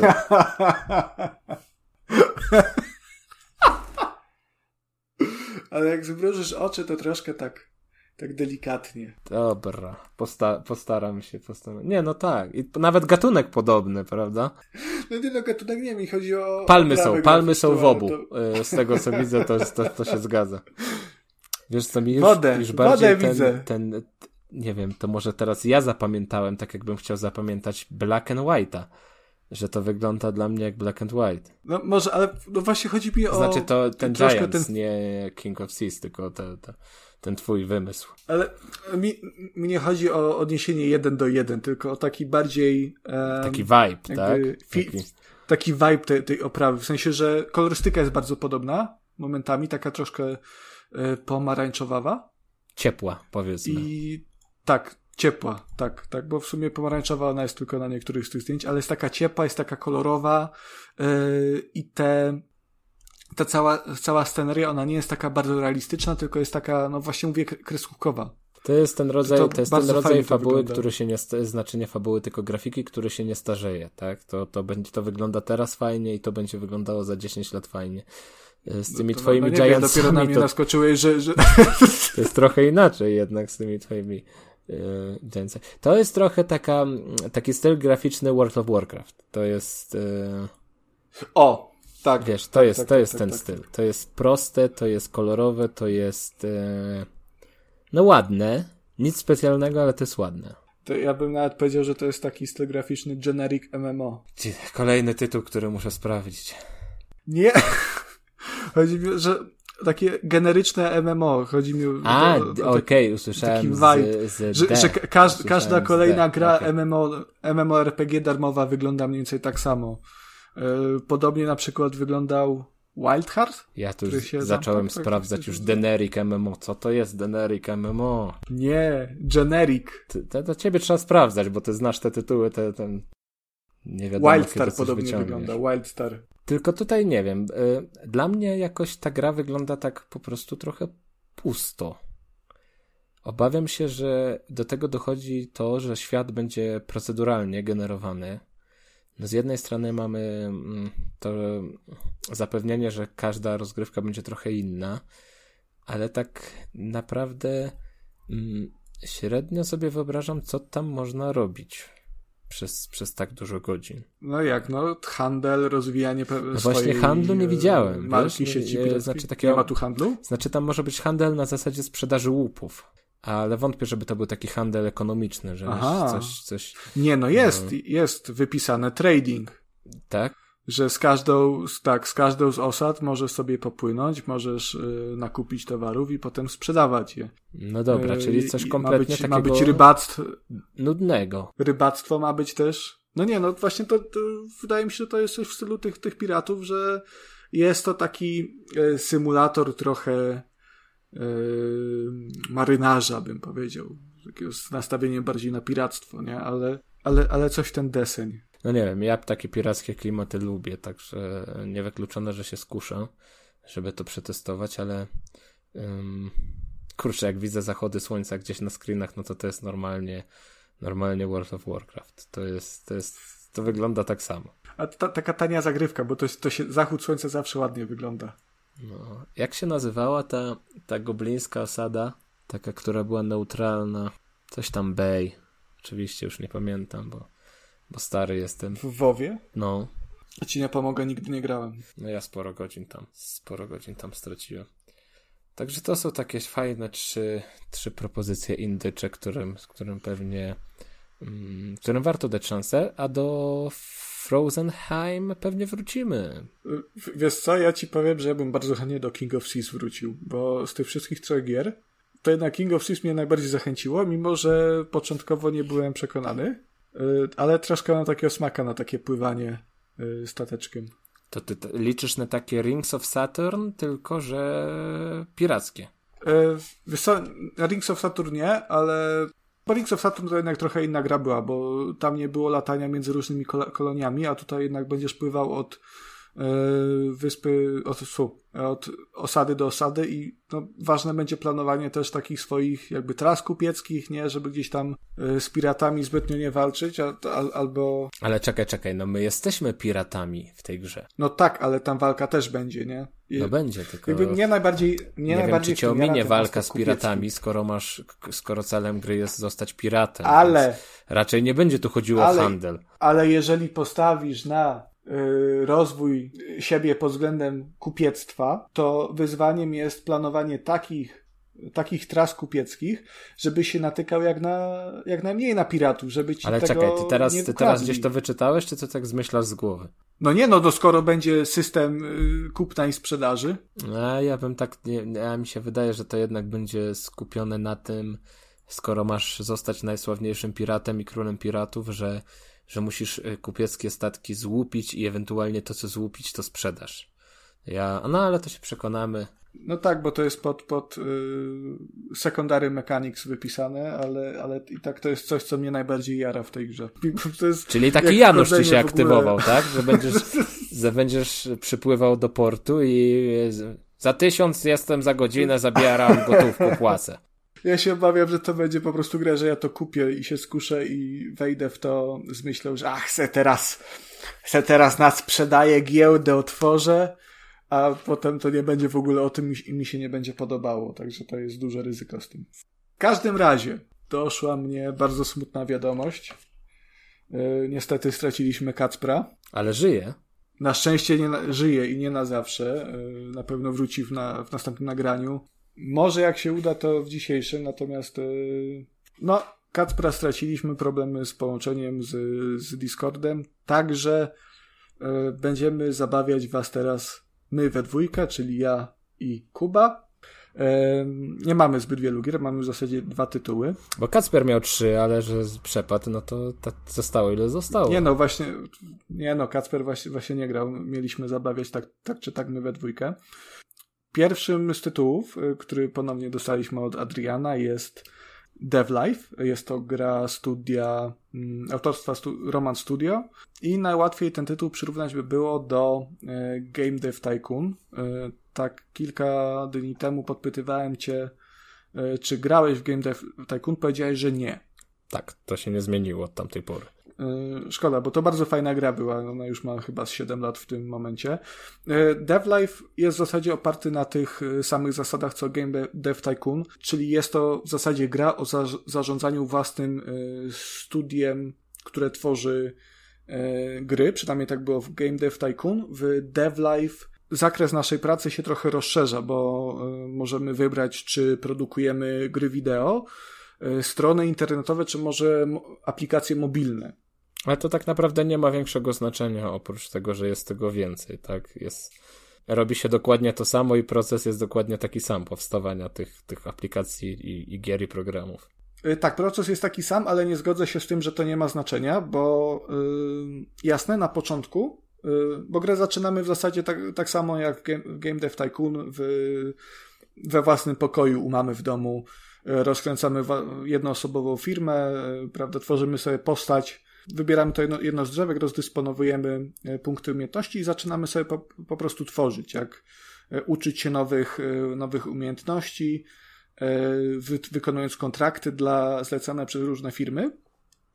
I tak powoli sobie ciłamy kasę, aż założymy firmę. I kiedy to się dzieje, no zmienia się trochę cała dynamika gry, bo możemy zacząć zatrudniać pracowników. I, i to właśnie w tym momencie mm, to, to, to, że są trzy różne drogi rozwoju dla naszej firmy, to zaczyna mieć znaczenie, bo możemy zatrudniać pracowników, którzy specjalizują się w tworzeniu innych typów oprogramowania, e, dzięki czemu możemy tworzyć więcej kontraktów. E, no natomiast to jest dalej, to trzeba zaznaczyć, to jest dalej gra we wczesnym dostępie, więc to nie jest do końca tak rozwinięte, jak mogłoby być. Mm, także mimo, że, że pozatrudniamy tych ludzi, no to tak jak Kuba powiedział, no ten proces tworzenia tych, tych gier, aplikacji jest taki sam. No właśnie tu muszę przyznać, że ja się najbardziej na tym zawiodłem, bo mm, myślałem, że troszeczkę y, będziemy mieli więcej wpływu na mm, na każdą poszczególną, no nie wiem, program, aplikację, że tam będzie więcej jakichś mniejszych opcji do wyboru, co będzie rzutowało na, na całość, że to będzie się lepiej sprzedawało, że będzie więcej warte, czy, czy coś, a to jest po prostu takie, no, potrzebujemy to, więc klikasz to. To jest taki, no trochę. Nie grałem w to tak dużo aż ty. Do, doszedłem do tego momentu założenia firmy i zarabiania jakichś tam większych, większych pieniędzy, ale no to troszkę jest taki klikacz. Y, jest, zwłaszcza jeżeli pracuje się nad kontraktami, bo to jest tak jak Kuba powiedział, że zgłasza się firma albo my wyszukujemy ofertę i mówią nam, że no potrzebujemy projekt taki a taki, stwórz nam, e, nie wiem, stronę internetową z galerią i z dostosowującą się do ekranów e, komórkowych, do, rozmiar, do rozmiaru ekranu. I my wtedy tworzymy projekt, wybieramy sobie opcje, o ile takie mamy wyuczone, bo tak jak powiedziałem, różnych nowych e, dodatków do stron, do gier, do aplikacji trzeba się najpierw wykupić sobie je w drzewku umiejętności za zdobywane poziomy, a potem się nauczyć poprzez jakieś kursy online. E, dodatkowo płatne i w zasadzie potem tylko przypisujemy postać do, do tego, co ma zaprogramować i czekamy, aż ona to zrobi. E, oczywiście każdy kontrakt ma e, daną ilość czasu, w, którym, w której trzeba go wykonać. Jeżeli nie zdążymy, co niestety często się zdarza, no to dostajemy karę. I te kary są różne. Czasami no, dadzą nam po łapkach, powiedzą, że to to, co my chcieliśmy zapłacić tobie, ty musisz nam zwrócić ale bywa często też tak, że wkurzeni mówią, że no, zawaliłeś. I to jest, to jest dziwne, bo nawet jak kawałek, jak dwa błędy są w aplikacji, stworzyłeś całą aplikację z, ilo, z ilomaś tam komponentami i zostały dwa błędy, to oni tak się wkurzają i mówią, że no, musisz nam teraz zapłacić pięciokrotność yy, tego, no, no stawki. Co, Ale tak jeżeli masz małą firmę. I... nad tym, bo, bo grałem w to jakiś czas temu i nie pamiętam szczerze mówiąc. Czy w momencie podpisywania kontraktu ty jesteś informowany o, o potencjalnej karze za niewykonanie tego zlecenia? Nie, nie właśnie to, to... Nie, dostajesz, dostajesz tylko informację o tym, y, co musisz wykonać, y, czy masz umiejętności zdol pozwalające ci na wykonanie tego kontraktu, bo możesz sobie wziąć taki którego nie wykonasz, jesteś w dupie po prostu. Tak, ale to tylko jeżeli nie zaznaczysz odpowiedniej opcji w momencie wyszukiwania, bo, bo automatycznie. Ale, ale nie, nie, tak. Bo jeżeli wyszukujesz opcje, wyszukujesz kontrakty samodzielnie, to możesz sobie zaznaczyć jedno kryterium, że pokazuje ci kontrakty, które ty możesz faktycznie wykonać, ale im więcej kontraktów robisz, tym więcej do ciebie osób się zgłasza yy, z mhm. propozycjami mm -hmm. wykonania tak, się, kontraktów. To się, to się I zgadza. Tak, i oni przychodzą nie tylko z tym, co, y, co ty umiesz, ale też y, z rzeczami, no jakby robisz gry komputerowe, specjalizujesz się w tym, więc uderzają do ciebie firmy, zrób nam gierkę, y, ale chcą komponent, którego ty nie masz wyuczonego. Ale zdarzają się też ludzie, którzy chcą, żebyś im wykonał stronę internetową, gdzie w ogóle tego nie umiesz. Dlatego tutaj musisz zatrudnić innych pracowników, jeżeli chcesz na tym zarabiać też. Natomiast nic nie stoi na przeszkodzie, żebyś sobie wziął ten kontrakt i go nie wykonał, no bo nie masz możliwości, e, o ile się nie wyuczysz szybko. Tylko problem tu jest taki, że e, momentami. Słuchaj, to jest, to jest w, ogóle, w ogóle dziwne, bo czasami pokazuje ci, że masz wyuczoną jakąś umiejętność, ale jej nie masz. I można się na to naciąć. Jeżeli nie pamiętasz dokładnie, co twoja postać potrafi, a przy iluś tam umiejętnościach tego no to jest ciężkie do wykonania. Nawet to później jest tak, jeszcze że... gorzej, jak masz pracowników i oni się specjalizują tak. w innych dziedzinach i spamiętać kto co potrafi, no to faktycznie może być problematyczne. Tak, i ja właśnie najbardziej mnie to wkurzało, bo ja brałem kontrakty, pokazuje mi wszystko na zielono odblokowaną kudeczką, że jasne byczku możesz sobie zarobić kontrakt 20 tysięcy. Ja tu rączki zacieram, a potem biorę kontrakt, chcę zrobić projekt, a ja nie mam tej umiejętności. Sobie myślę, no kurwa mać. I potem przychodzi kara, pięciokrotność i ja mam w banku 10 kafli, 100 tysięcy kary, no i bankructwo. No, też mi się raz zdarzyło, raz zdarzyło przegrać, bo wystartowałem ze stworzeniem jakiejś własnej, własnej aplikacji, własnego programu i tak, no, no takiego tutoriala do tego jako takiego nie ma, więc po prostu troszeczkę mhm. na, e, na zasadzie prób i błędów stworzyłem aplikację, która mnie tam chyba kosztowała finalnie 350 tysięcy, przy czym stan mojego konta wynosił, no nie wiem, 15 powiedzmy na to. Więc szybko, mm, no nie zdążyła na siebie odrobić, powiedzmy tak. Skończyło się zamknięciem, zamknięciem firmy. A ty, a ty ją wypuściłeś koniec końców? Tak, ale nie zarabiała tak szybko, żeby zdążyć Aha. spłacać e, bank. Ja swój pierwszy projekt zawaliłem, bo stworzyłem ten projekt, e, zaprogramowałem i potem mi się wyświetliło to takie podsumowanie, ile tam to będzie, będzie wynosić. Jakoś przeoczyłem to, że trzeba kliknąć, że się akceptuje warunki i wypuszcza projekt i po prostu to zamknąłem. Myślałem, że to już. Kilka godzin myślałem, że, że absolutnie e, że, że tworzenie własnych projektów służy tylko do podnoszenia umiejętności. Potem dopiero się kapnąłem, że trzeba ten projekt zaakceptować. No to chyba na tym się największy na hajs robi w tej grze, tak mi się wydaje. Tak, tak. Y, jak już, jak już to ogarnąłem i, i swój pierwszy projekt zrobiłem, y, to miałem na tyle szczęścia, że on E, każdy projekt, jaki się tworzy, on ma kilka, kilka ocen może otrzymać. Od e, małych szans na to, że będzie odniesie komercyjny sukces, przez normalne szanse, aż po ogromny potencjał. No i właśnie to jest właśnie kolejna rzecz, która mi się nie spodobała, bo te czynniki, które na to wpływają, są żadne. To jest po prostu wybór, wybór yy, jednej z trzech, czterech opcji i tyle. Możesz sobie sprawdzić każdą, która ci najlepiej pasuje i z tą startujesz. No nie ma tam, nie ma tam żadnego, żadnej strategii, żadnego planowania, no głębi brakuje. No ja, ja, ja też te, te komponenty dobierałem losowo już w pewnym momencie, no bo to faktycznie rośnie ci jakiś tam wskaźnik procentowy tego, jak, jak dużo szansę projekt ma na osiągnięcie sukcesu y, tego olbrzymiego potencjału, ale to są jakieś takie szanse. Każdy komponent o 2% to podnosi, o 1%. Niektóre wprawdzie więcej, niektóre mniej, ale to, to nie ma dużego znaczenia, bo koniec końców to jest wszystko losowe i czasami takie projekty, które tam miały nawalone po prostu, że tutaj będzie taka strona, że ja pierdolę, yy, w ogóle się nie sprzedawały, a stronka, która miała dwa komponenty, ogromny potencjał, to właśnie ta, ta pierwsza moja, którą stworzyłem, pach, wypuściłem, i wiesz, tak, tak jak najpierw miałem problemy finansowe, to nagle z dnia na dzień 2 miliony na koncie. Yy, potem jak kończyłem w sumie zabawę z grą, no to już miałem 20, 20 milionów, nie? Przy, to już nawet jak masz ten pierwszy milion, Ale to już się przestajesz bawić w... No, to trzeba ukraść pierwszy. Ale jak, jak już masz ten pierwszy milion, to możesz się przestać przejmować tymi pracami kontraktowymi, bo wtedy zarabiasz grosze, a stać się na to, żeby po prostu wypuszczać projekt za projektem z nadzieją, że który, któryś w końcu trafi.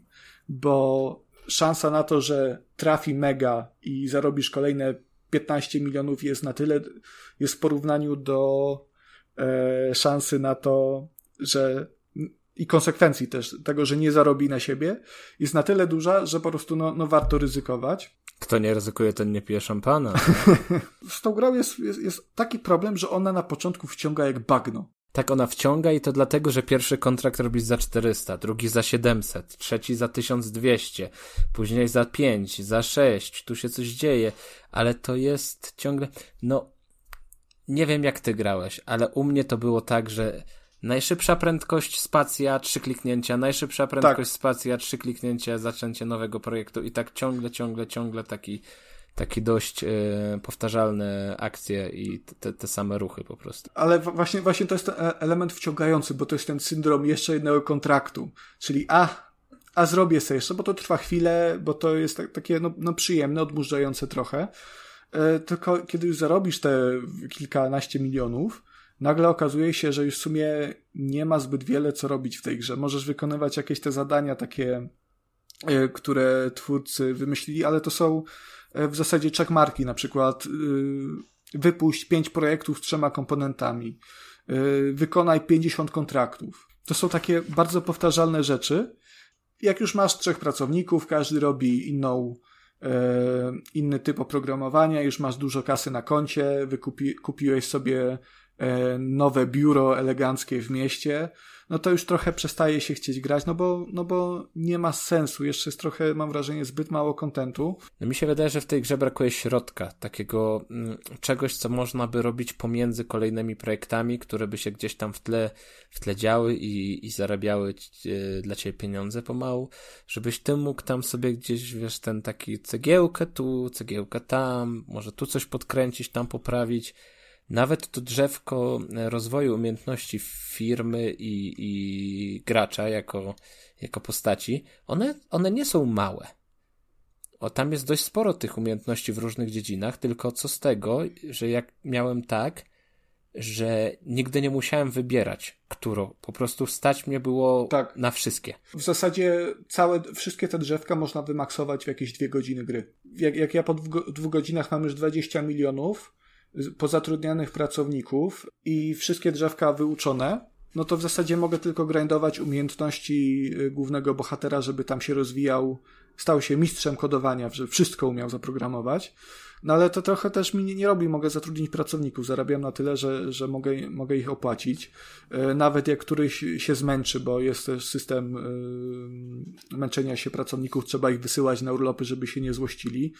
E, no bo trzeba też dbać o to, żeby ka każdy ma swoje cechy osobowości, trzeba dbać o to, żeby się nie złościli jeden. Wiadomo, nie może być, nie może być crunchów, tak? Tak, yy, ale niektórzy nie lubią jak, jak na przykład twój bohater ma cechę, że jest chytry na przykład więc źle będą, będą zadowoleni, jak tą pracują, jak jest wnętrze brzydkie, to też nie będą zadowoleni, jak pracują z innymi, to co bardziej aspeczni też nie będą zadowoleni, ale tak na dobrą sprawę te wszystkie cechy charakteru nie wpływają zbytnio na gameplay, przynajmniej nie w późniejszej części gry, bo na początku faktycznie jest trudno, ale potem ten poziom trudności się wypłaszcza i to bardzo mocno. Ale nie wiem, czy to jest, czy to jest trudne na początku, czy wydaje mi się, że ta trudność wynika po prostu z tej niewiedzy, jak grać.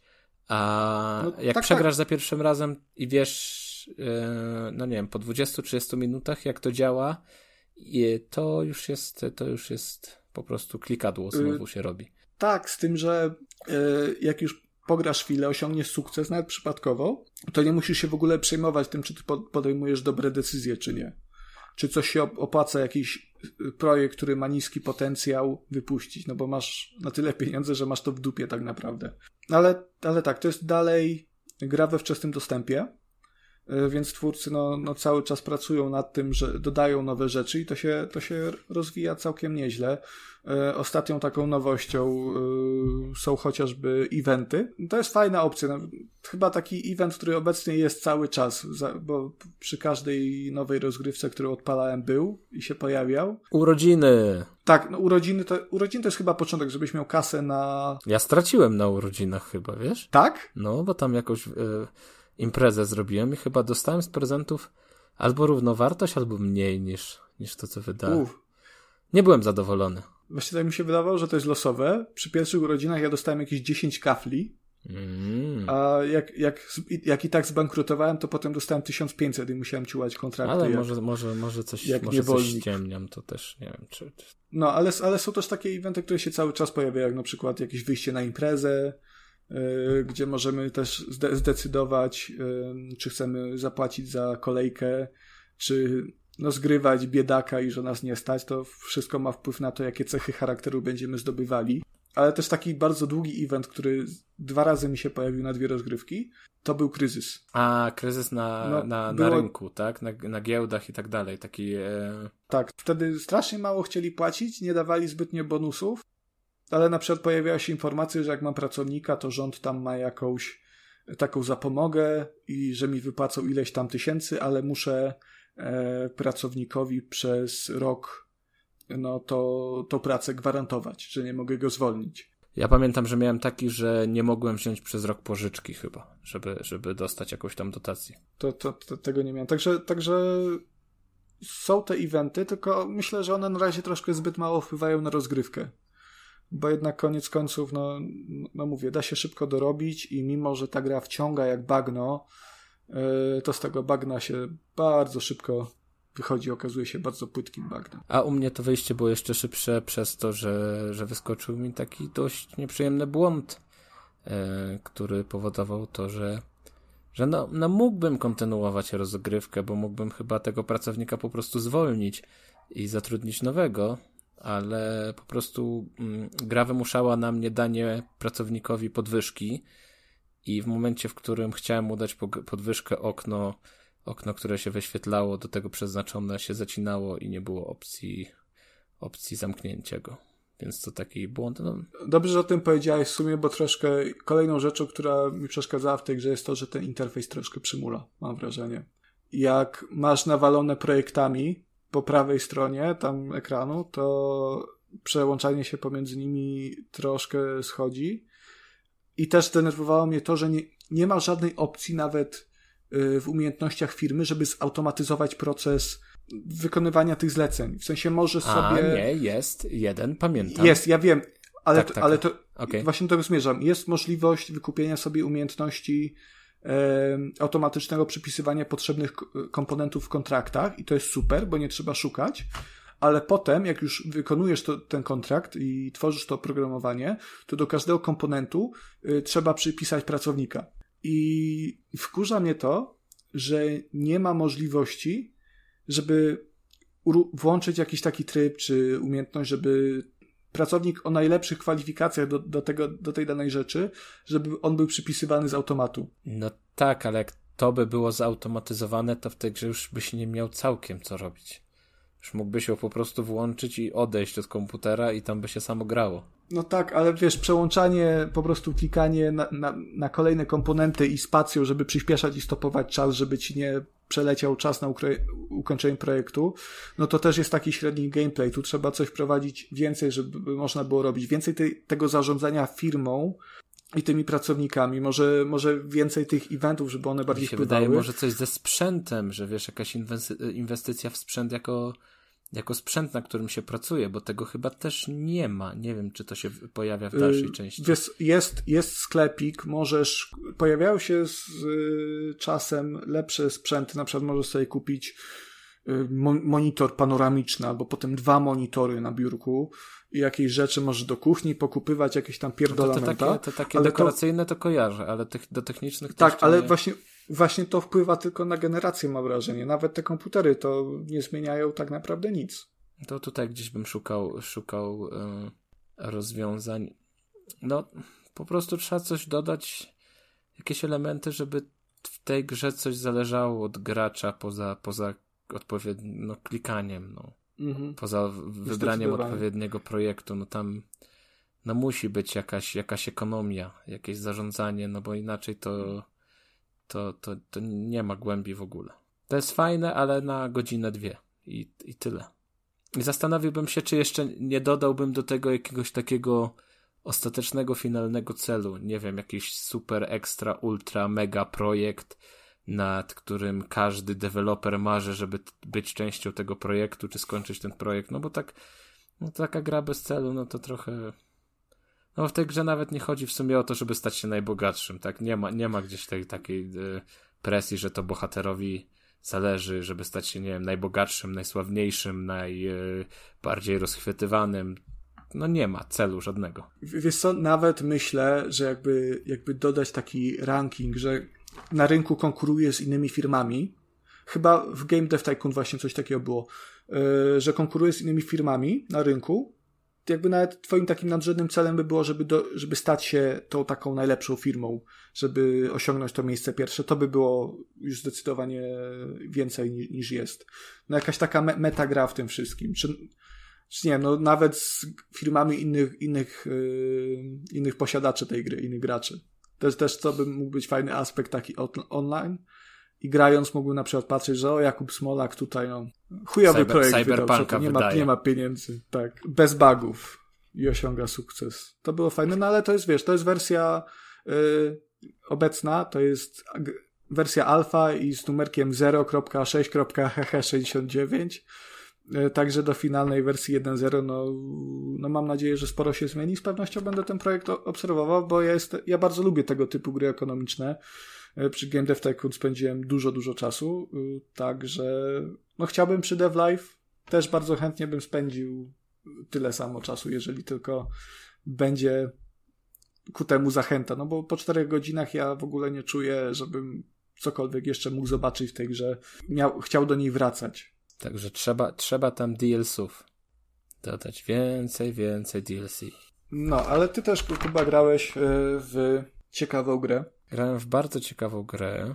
Bardzo krótko. No, e, ja się trochę rozczarowałem tym, jak ona krótka była, bo e, za pierwszym razem, jak odpaliłem, tak od razu po kupieniu, po ściągnięciu, tak na szybko chciałem sobie po prostu zobaczyć, o co mniej więcej chodzi i, i jak to wygląda i w opcjach mm, od razu się pojawiają wszystkie y, jakby miejsca na wszystkie dostępne checkpointy w grze, które, które się pojawią i po 20 minutach już 3 miałem odblokowane. Łącznie było, y, było ich 9. Także po, po 20 minutach już miałem takie no dobra, ale może to są akty, może to jest dopiero pierwszy akt, może później będzie akt drugi, akt trzeci i tak dalej, i tak dalej. No okazało się, że nie, że to naprawdę był koniec gry, a mowa tutaj o grze Papetura od polskiego studia i tu oczywiście muszę sprawdzić Petums, chyba tak to się wymawia. I to jest gra, na którą wydaje mi się był, mm, był pomysł na, na to, jak ją zrobić, jak ona ma wyglądać, a niekoniecznie na to, co miałoby się w niej znaleźć. Czyli czyli o gameplay się rozchodzi, który tutaj niekoniecznie się sprawdził. No zacznijmy od tego, że ta gra wygląda fenomenalnie i jak... Mm, Przepięknie wygląda. Przeczytamy sobie o tym, jak ona jeszcze powstawała, że to jest wszystko stworzone z papieru. Każdy element tej gry jest stworzony z papieru, został ręcznie. Nie wiem, jak to zostało przeniesione na ekran, no bo po prostu na technikaliach takich się nie znam. No ale widać, że to jest wszystko, że to jest wszystko papierowe. Nawet na Steamie e, jeden z trailerów to jest właśnie pokazane, jak ta gra powstawała i, i, siedzi chłop, rysuje to na papierze faktycznie i chyba wycina nawet. Tak, także tutaj e, to na już nie pamiętam, to 4 czy 5 lat ta gra powstawała. Mm, no i to, to, to się akurat nie dziwię, no bo to jest, widać, że to jest projekt zrodzony, zrodzony z pasji. Tutaj ktoś chciał taką grę zrobić i taką grę zrobił. No i to może przyciągnąć. I podejrzewam, że, że dużo ludzi sięgnie po tę grę ze względu na to, jak ona właśnie wygląda. To, to jest chyba taki główny yy... taki wabik. Ja aspekt, który, no ja sam, sam, tak, tak. Yy, sam tylko dlatego po tę grę sięgnąłem yy, ze względu na, na to, jak ona wygląda. Ale jak to by ją opisać? Hmm pomimo wszystko wygląda jak stworzone z papieru, tak? To widzimy, że tu są jakieś takie krawędzi, że to jest mm, papier, który jest nie do końca złożony, nie jest to wszystko takie gładkie. No sam nasz bohater jest po prostu y, taką kartką papieru. Ale, ale to jest super, super efekt jest, y, tak jak patrzę na zdjęcia, że y, ten papier wydaje się taki podświetlany od tyłu że on ma taką pomarańczową barwę, jest taki rozświetlony. To mega to wygląda. Wszystko jest utrzymane jeszcze w takich ciepłych właśnie barwach, takich e, zaognionych, mhm. tak? Jakby to było gdzieś tak, tak, tak. Mm, w ten sposób, w ten sposób oświetlone. No wygląda to tak, że, że w tą, tą grę się dużo ładniej ogląda niż się w nią gra. I jak to Konrad powiedziałeś, no to jest tak, to jest w każdym indyku właśnie tak. Tak jest. Tak to się kończy. No to jest point and click, tak? Tak, ale to też nie jest taki point and click, że nastawiony na takie zagadki, łamigłówki, e, których, no nie wiem, gdzieś rozwiązanie będzie wymagało od ciebie zaangażowania pełnego. To jest taki point and click, że mm, po wejściu do danej lokacji od razu widzisz mniej więcej na pierwszy rzut oka, które elementy tutaj są, są w jakiś sposób interaktywne. I to nie jest, to nie jest 10 elementów, z czego dwa będą ci potrzebne, żeby popchnąć fabułę do przodu. To jest, to, to są dwa elementy i wystarczy, no wystarczy na tych dwóch elementach jakoś z, rozwiązać tę łamigłówkę baz, bazując na tych dwóch elementach, tak? Także to nie jest wymagające, chociaż muszę przyznać, że w pierwszej, w pierwszej lokacji miałem tak, że już martwiłem się, że kurczę, wykonałem wszystkie możliwe opcje, przepchnąłem coś w lewo, przepchnąłem coś w prawo, już miałem tak, oho, dobra, to się zaczyna naprawdę jakaś wymagająca, wymagająca łamigłówka, pewnie zaraz będę sięgał po po YouTube, a że gra jest nowa, no to jeszcze mogę się, kurczę, nie doczekać rozwiązania tak szybko, jakbym chciał. Mm, ale okazało się po prostu, że nie zauważyłem drabiny, która gdzieś była w, w drugim, mm, w na drugim planie, żeby się wdrapać na górę i, i to wcale nie była wymagająca zagadka, tylko, tylko moja nieuwaga. I później to się wyłącznie potwierdziło, że, że tak naprawdę tutaj nie ma nie ma nic, co jakoś nas przetestuje, nasze zdolności, umiejętności, ani jakiegoś logicznego myślenia, ani spostrzegawczości, ani nic z tych rzeczy. Po prostu sobie idziemy przez ten kolorowy świat, tu sobie klikniemy, tam sobie klikniemy, no i podziwi podziwiamy te, te, te ładnie wykonane plansze. Mm, nawet te animacje, e, które są, one nie są takie płynne dość szarpane. Widać, że to było animowane w taki no inny sposób, tak? Że to, to, to papier był po prostu animowany, ale one też mają swój, swój urok. I to wszystko wygląda, wygląda fajnie. Rzecz, do której mógłbym się przyczepić, to to, że to jest troszkę takie też powolne. Że ten nasz bohater troszkę tak powolnie się porusza. I dobrnięcie z jednego końca planszy na drugi może nam zająć trochę czasu, a jak gdzieś myślimy nad rozwiązaniem zagadki, no to to też może być takie, takie nużące trochę. No bo to, ta gra to jest chyba jednak bardziej doświadczenie niż gra tak naprawdę. Doświadczenie, ale doświadczenie wyłącznie dla, dla oczu. Ale to, to ma jakąś taką fabułę, żebyś sobie mógł to nie no wiem, analizować wiesz, potem? Ja, ja skończyłem tę grę i tak naprawdę to nie wiedziałem o co chodzi i dopiero, dopiero później w opisie na Steam sobie przeczytałem, że dobra, ten bohater to się nazywał tak, ten drugi to się nazywał tak i oni robili to, bo w, w grze nie ma żadnego tekstu. Nic y, nie jest opisane. Mm. Jedyne y, elementy, z których coś tam y, się domyślasz, no to są chmurki, które się pojawiają, ale to są też chmurki na zasadzie takiej, że no dajmy na to podchodzisz do gościa, od którego chcesz książkę i w chmurce się pokaże, że ty chcesz książkę, a on w chmurce pokaże, że on ci da książkę, jak mu przyniesiesz rybę, tak? I to jest to jest tyle. Więc w trakcie gry, no tak sobie troszkę interpretujesz to na własny sposób. Mm, ale no przy tak krótkiej grze naprawdę nie ma za dużo miejsca, na, żeby tutaj coś, coś kurczę głębszego z tego wyciągnąć. No, no chodzi o to, żeby, żeby sobie poradzić poradzić i dojść tam, gdzie trzeba dojść. No też nie chcę tutaj za dużo mówić, bo, bo kurczę, na półtora godzinnej grze, no to nieważne co powiem, to i tak będzie spoiler. We, właśnie czytam yy, opis fabuły na Steamie, czy to jest bez spoilerów, to jest to, co twórcy chcieli przekazać. No i, no i faktycznie nie, nie porywa, bo tyle, co piszą, to to, że jesteś uwięziony w kwiecistym więzieniu, ucieka z niewoli, z jakąś tam koleżanką małą, magiczną istotą i raz, razem musicie stawić czoła ciemnym i ognistym potworom. Właśnie trzeba pokonać tego złego i, i tyle. Ale dlaczego ty jesteś w tym cienistym więzieniu i, i, i gdzie ty uciekasz i, i to nie jest wyjaśnione i troszkę, troszkę tego brakuje.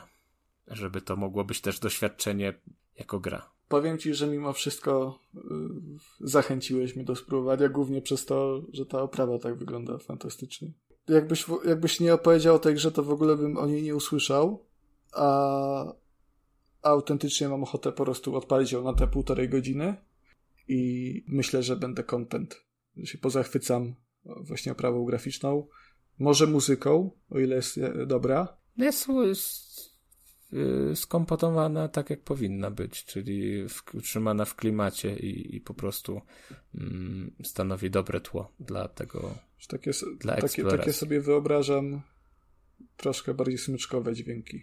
No ale gra też nie kosztuje dużo, to jest 40 zł, więc w sumie za półtorej godziny to nie jest aż taka wygórowana cena. Także myślę, że ja się skuszę.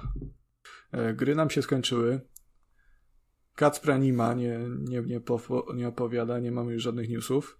Także nie pozostaje nam nic innego jak podziękować Wam za uwagę. Także dziękuję. Byli ze mną Kuba Smolak. Dzięki za uwagę, do usłyszenia.